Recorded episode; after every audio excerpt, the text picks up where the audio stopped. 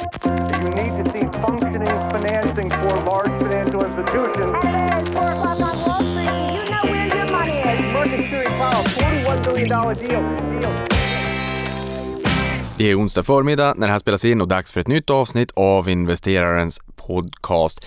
Förra veckan bjöd på en uppgång, trot eller ej, det var den fjärde uppgången det här året. Vi har ju inte blivit bortskämda med positiva börsveckor 2022, men förra veckan så var vi upp 0,62 för OMXS30 och 3,22 för OMXSGI.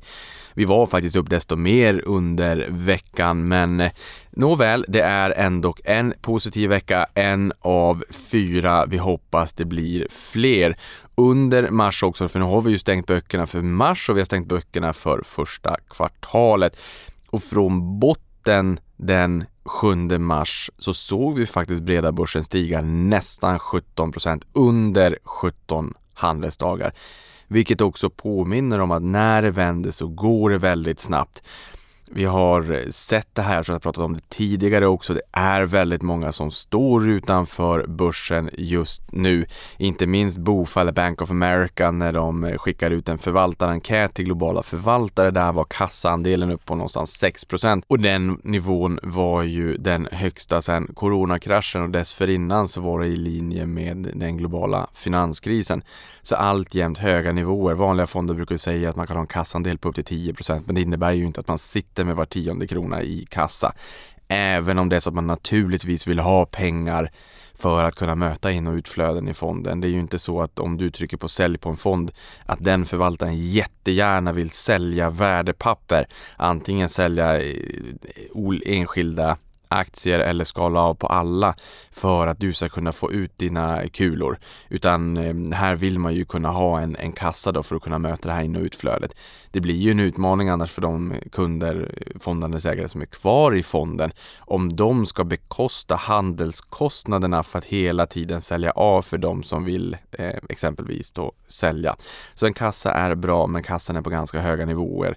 Sen är det ju också ett ganska mörkt sentiment när det kommer till småsparare i USA. The American Association of Individual Investors menade på att det var den, den sämsta tio veckors perioden på väldigt, väldigt länge.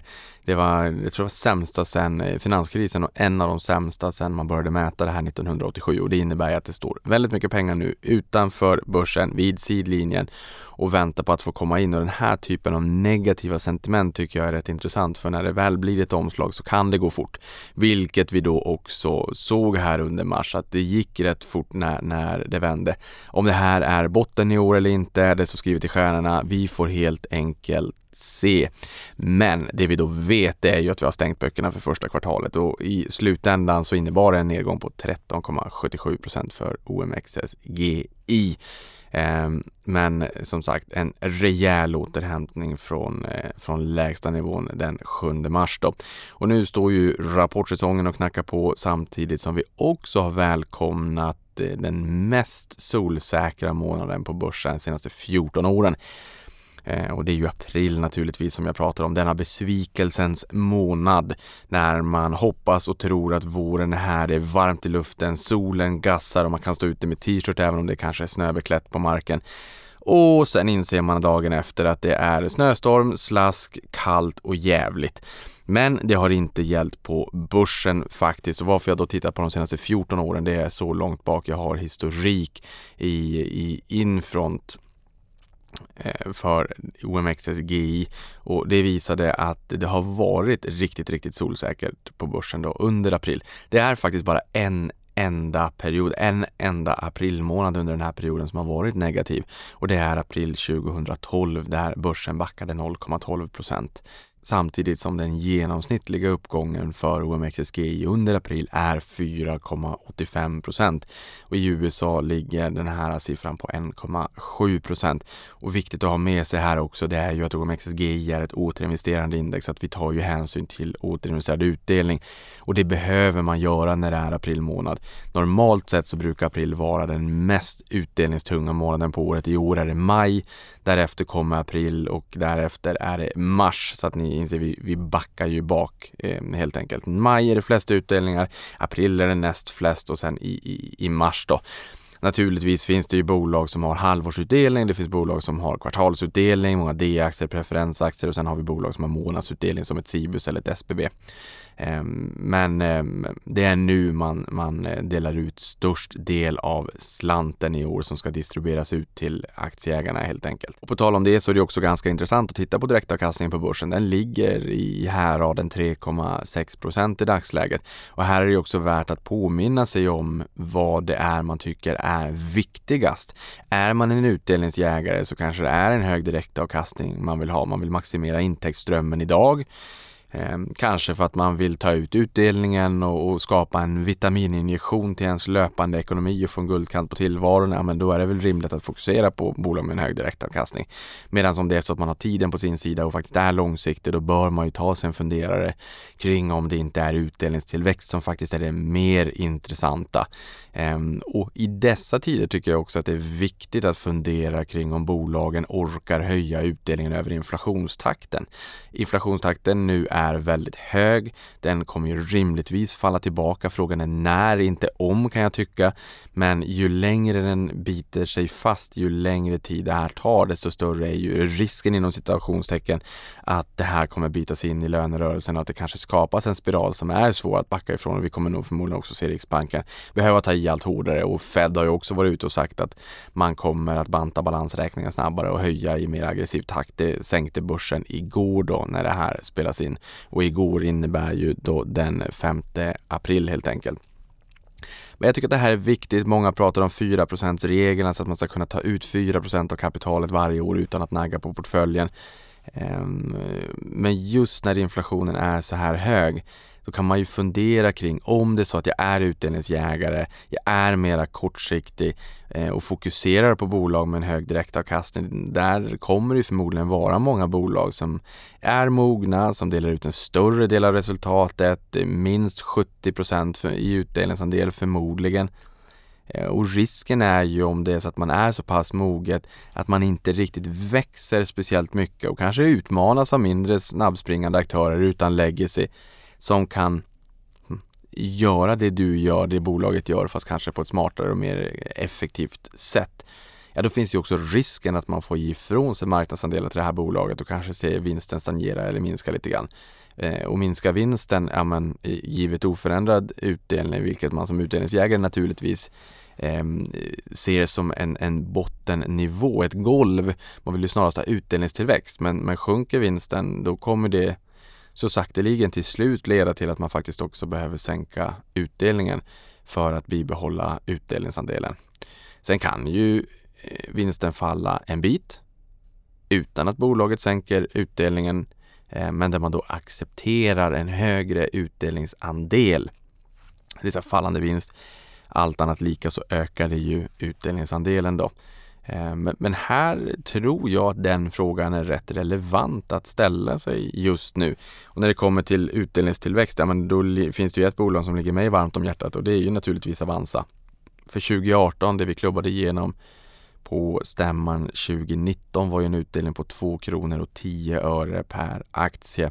Och sen blev den 2 kronor och 30 öre per aktie för att stiga till 3 kronor och 80 öre och nu i år på stämman eh, som hölls här eh, i slutet på, på mars.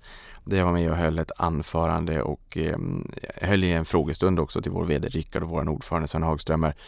Eh, där klubbades det igenom en utdelning på 9 kronor och 20 öre vilket är en utdelningstillväxt om 380 procent. Eh, och det, det här ställer ju saker och ting på sin spets. Ehm, det är klart att man inte kan ehm, förvänta sig att bolag höjer utdelningen med 380 procent på, på bara några år.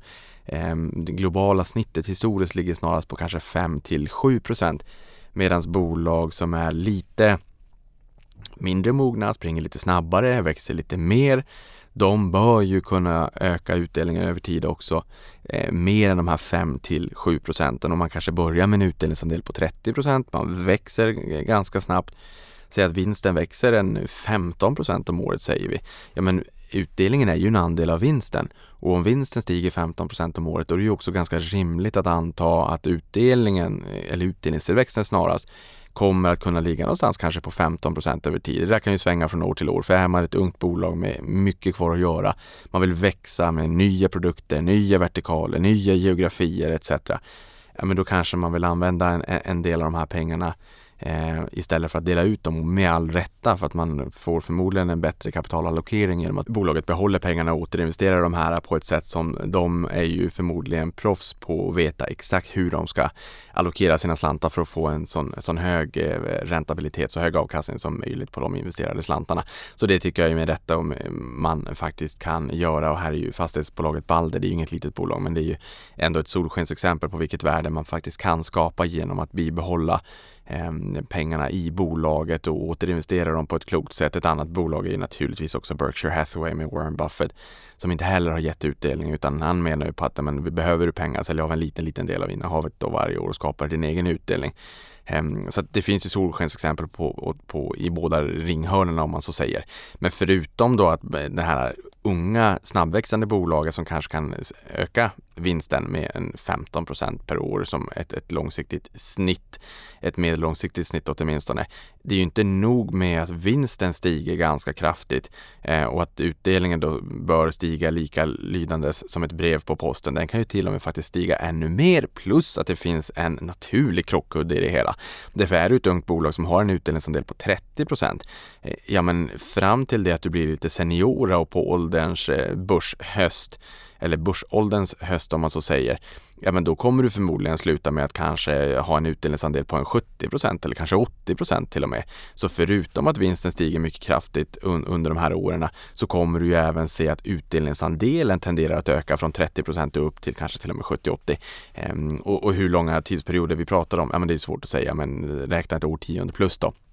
Men det är ju också en bidragande faktor som gör att man eh, faktiskt kan se två stöttande faktorer, både den stigande vinsten men även stigande utdelningsandelen, eh, stötta upp för en, en ung utdelningsjägare, en utdelningsinvesterare, men som eh, har ett behov av de här kassaflödena långt in i framtiden. Ja, men då är det kanske lite mer spännande på något sätt att faktiskt fundera kring att fokusera på utdelningstillväxt snarare än hög direktavkastning idag då helt enkelt. Nåväl, några intressanta spaningar. Dels så är det ju den amerikanska inverterade yieldkurvan som man pratar mycket om just nu i marknaden, det vill säga att tvååringen står högre än tioåringen.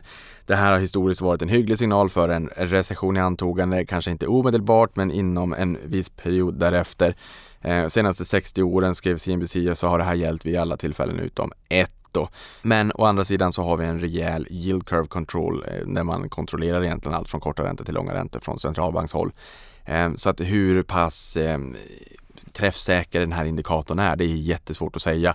Är man intresserad av det här så kan man ju eh, googla på inverted yield curve eller um, yield curve inversion eller någonting i den stilen. Det är väldigt mycket diskussion om, om det här äh, just nu helt enkelt.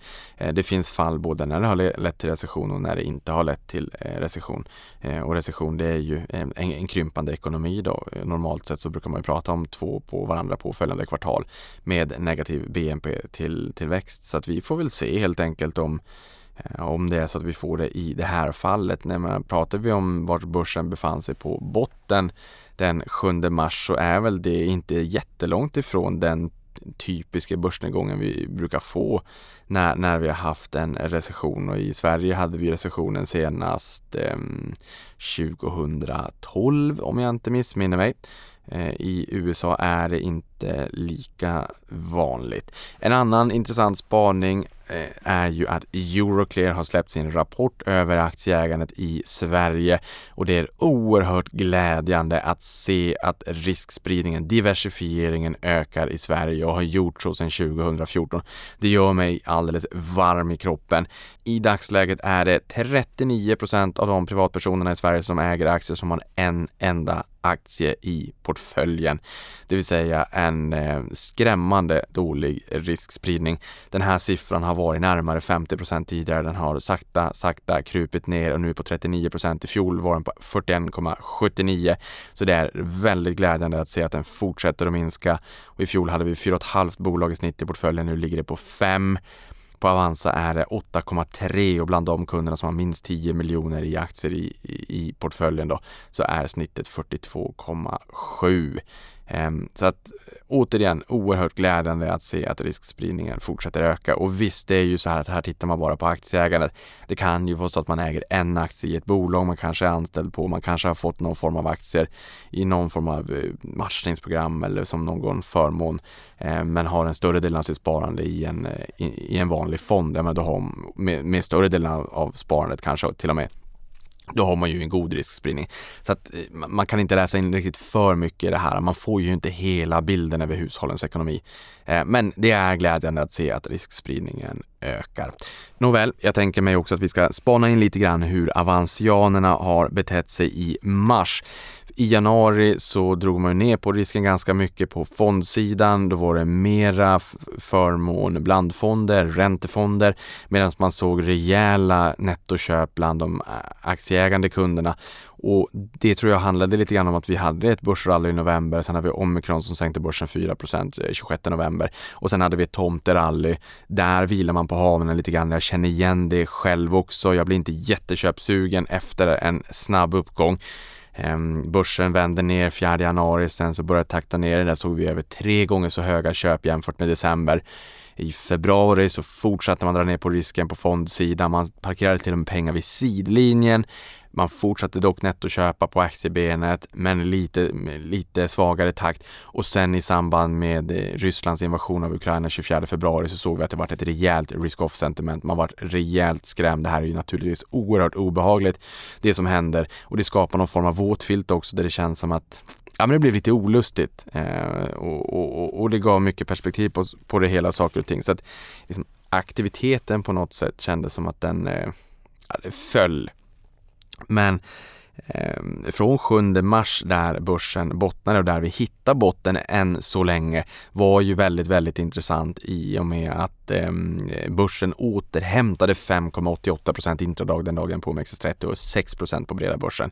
Eh, kronan den försvagades som mest mm, uppemot 10,07 mot dollarn, vilket naturligtvis vittnade om att det var rejäla eh, sälj från utländska investerare.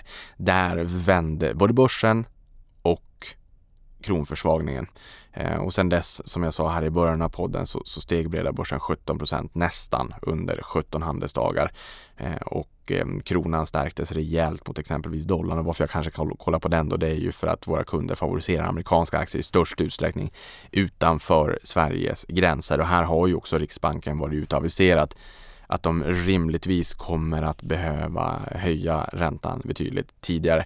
Tidigare sa man ju att man förväntade sig en räntehöjning i slutet på 2024. Nu är det ju omvänt så att man kanske till och med förväntar sig en räntehöjning vid nästa möte och sen förväntar man sig att inflationstakten rullar över snarast någonstans 24 till 26, 2024 till 2026. Så lite om och upp och nervända värden får man väl helt enkelt säga.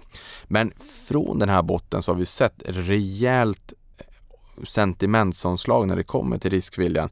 Eh, fondspararna vallfärdar tillbaka till börsen, spararnas riskaptit ökade rejält i mars. Eh, antalet affärer minskade year on year jämfört med mars i fjol. Men det den bilden som inte riktigt berättas i pressmeddelandet det är ju att i fjol hade vi ju nettoutflöde, nettosälj på 170 miljoner eh, och i år var det nettoköp på över 5,5 miljard. Det är ju fortfarande färre affärer men det är ju rejält stora eh, stora köp. Eh, det är ju klart att jag menar, för vår räkning så genererar både köp och sälj courtageintäkter naturligtvis. Eh, men från tid till annan kanske man helt enkelt bara ska sitta på händerna och inte sälja av i panik och inte generera det säljcourtaget. Eh, utan kanske försöka övervintra åtminstone om det är långa pengar.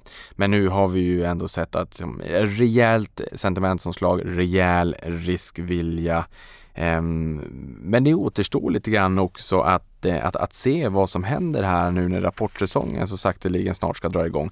Ehm, för tidigare blixtsnabb nedkylning av riskviljan. Nu har det börjat tina upp, det börjar liksom hetta till ordentligt igen. Ehm, vi har haft eh, en del fredssamtal, huruvida de har varit fruktsamma eller inte kanske man kan fundera lite grann kring. Fed har höjt räntan för första gången sedan 2018. Nu säger man att man ska banta balansräkningen snabbare, höja mer aggressivt troligtvis.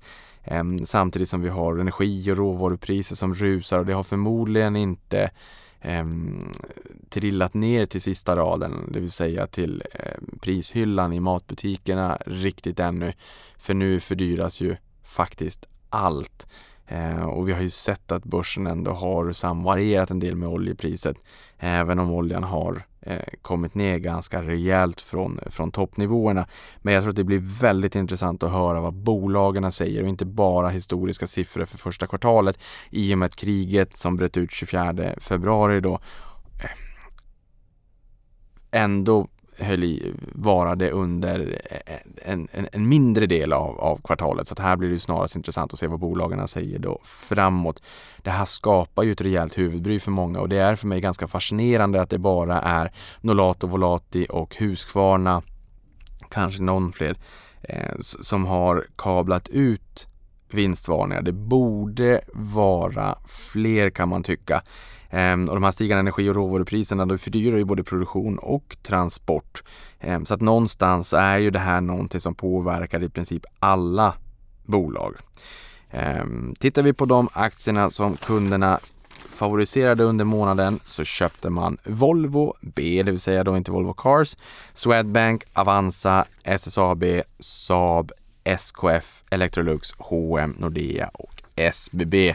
Ehm, och det här finansierade man genom att sälja AstraZeneca, Lundin Energy, antar att det är vinsthemtagningar, Swedish Match, Veoneer, Akelius, GHP Specialty Care, Fortnox, Millicom, Enquest och Altria eh, helt enkelt. Och här, eh, just AstraZeneca då som var den mest sålda har ju agerat lite grann krockkudde för spararna under det turbulenta börsåret med en uppgång då när det här pressmeddelandet skickades ut då i slutet på, på mars eh, med 15 procent sedan årsskiftet. Och jag tror i alla fall att i takt med att börsen då hittat fotfäste och att riskviljan då tilltog så tar man hem en del vinst i AstraZeneca för att stuva om i portföljen eh, och till synes eh, mot bolag med en ganska värmande direktavkastning får man väl ändå eh, säga. Och när det kom till Volvo som flest favoriserade så sjönk ju aktien dubbelt så mycket som börsen efter invasionen av Ukraina och hamnades alltjämt lägre än bolagets eh, historiska snitt. Sen har man en stark balansräkning med möjlighet till rejäla utdelningar brukar lyftas och en värmande direktavkastning i absoluta toppskiktet om man då räknar med ordinarie utdelning plus extra utdelning helt enkelt. Och sist men inte minst, man, eh, man bjuds ju också på en exponering mot den omställning mot elektrifieringen som kanske kan få lite grann ett förnyat fokus. Eh, och de, Volvo brukar ibland bjuda på, inte sällan på eh, pressmeddelanden om stororders som har tagits när det kommer till elektrifierade tunga fordon. Så att ja, allt jämt intressant helt enkelt. På fondsidan så fortsätter globalfonder att locka medan Spiltan Aktiefond Investmentbolag är den som eh, eh, har tagit mest stryk, den mest nettosålda och det här tycker jag är lite grann en ganska god indikator över fondspararens generella riskvilja för det är över 600 000 fondandelsägare. Det är den fonden man månadssparar mest i. Så att om den hamnar på topplista mest sålda då vet man att det generellt är risk-off bland, eh, bland fondspararna. Eller att man säljer det här för att stuva om eh, i, i annat som har gått lite eh, sämre helt enkelt. Ytterligare en spaning under mars det är också att amerikanska Nasdaq faktiskt gick bättre än S&P 500. Och Nasdaq det är ju teknikbörsen, 60% techbolag brukar man väl kanske säga. Det många inte känner till det är ju att techexponeringen är väldigt hög, eller techkoncentrationen är väldigt hög i S&P 500 också. Man kan inte bara titta på information technology för där någonstans kommer det stå en 20-25% mot eh, tech då, IT-bolag. Men vi har ju även Communication Services och Consumer Discretionary där eh, de två också huserar hem för techbolag. Det sammantaget gör att det är ungefär en 40% exponering mot techbolag i S&P 500 och det tänker man inte riktigt på. Så techbolagen har gått rejält dåligt. Om de skulle kunna få lite mer vind i seglen så skulle de kunna hjälpa och stötta upp eh, amerikanska börsen, vilket är bra också för kunder som köper globalfonder i och med att amerikanska börsen är ehm, majoriteten i de, utgör majoriteten ska sägas i de flesta globalfonder. Helt enkelt. Och med de orden, då har vi stenkoll på hur kunderna agerade under mars. Det är risk on. Vi har även koll på att april är en solsäker månad, har börjat trevligt i år också. Och med de orden, ett kort nyhetssvep och där kan vi se att Elon Musk har köpt 9,2% av sociala medieplattformen Twitter, vilket fick aktien att rusa 30,4% som mest under dagen. Det här var den bästa börsdagen för Twitter sedan bolagets IPO i november 2013. Eh, och Elon har ju själv redan över 80 miljoner följare på plattformen och dagen efter kom det ut information om att han också nu kommer beredas plats i eh, styrelsen. Det här skulle vara en passiv investering. Det visade sig dagen efter att ah, hur passivt det här var. Det är en fråga. Det här är förmodligen en fråga också för amerikanska myndigheter. Eh, när han har sagt att det ska vara en passiv investering och allting tyder nu på att det snarare kommer vara en aktiv eh, investering. Han har ju också gått ut på Twitter med en poll och frågat om folk vill ha möjligheten att kunna ändra tweets. Eh, så att eh, den verkar ju inte vara passiv. Vi får fortsätta. Spännande att följa. Sen har vi Tesla också. Återigen Elon Musk eh, levererade 310 048 bilar i första kvartalet vilket var marginellt lägre än väntat men 67% högre än för ett år sedan. Intressant att de kan navigera halvledarbristen, komponentbristen så bra som de har gjort historiskt. Eh, och Model 3 och Model Y utgjorde 95% av siffrorna och på temat bilar så fortsätter vi med hyrbilsföretaget Hertz som meddelade ett nytt partnerskap med Polestar för kommande fem år. Partnerskapet inkluderar 65 000 elbilar från bolaget som delägs av Volvo Cars. På temat kaffe. Kaffe har blivit dyrt. Jag skulle handla kaffe i matbutiken till, en, eh, till ett möte med mina vänner i Aktiespararna. Eh, det kaffepaketet kostade Eh, nästan 60 kronor. Jag brukar betala 37 eller något sånt där före, 37, 38 någonting. Nåväl, Starbucks tidigare VD och ordförande Howard Schultz är tillbaka som interims-VD efter att föregående VD lämnat. Han började med att omedelbart stoppa återköp av aktier för att möjliggöra för bolaget att investera mer av vinsten i personalen och fiken, vilket enligt honom är det enda sättet att långsiktigt skapa aktieägarvärde för samtliga intressenter, eh, framgår det.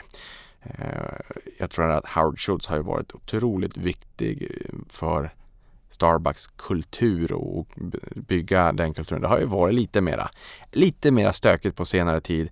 Ehm, det här är ett temporärt inhopp. Han har väl inga planer på att eh, fortsätta som permanent VD, i alla fall vad han har sagt. Allting kan hända, men det ska bli intressant att se om han kan få lite fart på, på Starbucks. Sen har vi värdet på global ma aktivitet så företagsförvärv och sammangåenden som sjönk 29% under första kvartalet enligt Reuters. Och en starkt bidragande faktor är ju naturligtvis föga förvånande marknadsvolatiliteten i kölvattnet av Rysslands invasion av Ukraina. Det verkar ju dessutom vara så att IPO-fönstret är relativt stängt just nu. Det var ju ett eh, Eh, Eh, ett eh, noteringsår i fjol som nästan saknade motstycke men i år har det varit desto lugnare och vi har ju faktiskt betat av första kvartalet. Så vi får se vad resten av året för med sig. Sen har vi Ericsson vars styrelse inte fick ansvarsfrihet på sin stämma 29 mars. Det här är efter avslöjanden om att IS-mutor i Irak Eh, som varit kända i flera år inom bolaget men vars omfattning undanhållits från marknaden. Det här är ju ingenting som eh, marknaden eh, gladdes åt av förklarliga skäl. Däremot så fick styrelsen sitta kvar eh, varpå jag utgår från att marknaden nu vill se en rejäl uppstädning. Det eh, har ju höjts väldigt många ögonbryn kring det här debaclet. Väldigt många frågetecken. Det här är inte bra för Sverige som ett eh, exportsignalvärde till resten av världen heller. Eh, jag tror att vi kollektivt får skämmas åt det som har hänt. Det blir intressant att se hur de kommer att eh, adressera den här frågan framåt och vad som händer härifrån och fram till nästa års stämma. Sen har vi batteriladdleverantören Cetex, näst största ägare Altor som avser att sälja 5,75 miljoner aktier vilket motsvarar 11,7 procent av kapitalet. Vi får väl se om storägaren Latour skulle kunna knipa det här. Nu är det några dagar sedan, det kanske till och med så att den här affären är klar, då får jag skämmas. Ehm, men ett visst säljtryck här eh, i samband med att de kom till börsen så tog ju investmentbolaget Latour 31 procent av bolaget. En trevlig huvudägare skulle jag väl kunna gissa. Sen har vi Växjös stolthet, eller en av dem i alla fall, Fortnox som flyttat till Stockholmsbörsen med första handelsdag 13 april. Ehm, därmed slipper man ju betala 19 kronor i minimikortage via NGM. Ehm, istället så blir det väl en trevlig en krona. Eller om det är så att man inte har 50 000 i samlat sparande hos oss på Avanza så betalar man faktiskt ingenting, vilket också är trevligt naturligtvis. Sen har vi sist men inte minst investmentbolaget Lundberg som har köpt 815 693 A-aktier i huvudstaden, det vill säga fastighetsbolaget då, för totalt 103 miljoner kronor. Ehm, det här är ju ett fastighetsbolag som har en, en låg belåningsgrad, kanske lite för låg, och de får ofta kritik för det. AAA-lägen, eh, inte minst med eh, Nordiska kompaniet i Stockholm eh, som en, en, en, stor paradfastighet. De äger ju de flesta fina fastigheterna på monopolbrädet och just nu läser jag även en bok. Jag har läst flera böcker om eh, Ivar Kryger men jag läser ytterligare en bok just nu. Så där får man liksom slungas tillbaka till 20-talet och när det här eh, tog fart. Han har ju ett finger med i spelet i ganska mycket när det kom, eller hade då när det kom till Ehm, till svenskt näringsliv och nu sedermera svensk industrihistoria. Eh, Tändstickspalatset och NK. Och, eh, ja, ni kanske känner till Ivar Kryger. Om inte, läs lite mer om honom. Han har eh, som sagt ett stort finger med i spelet när det kommer till dagens finansvärld. Det är mycket spännande historia helt enkelt. Och med de orden så önskar jag dig en solig börsvecka. Jag hoppas du får en trevlig utveckling i portföljen så hörs vi igen om en vecka. Tack för att du lyssnade på det här.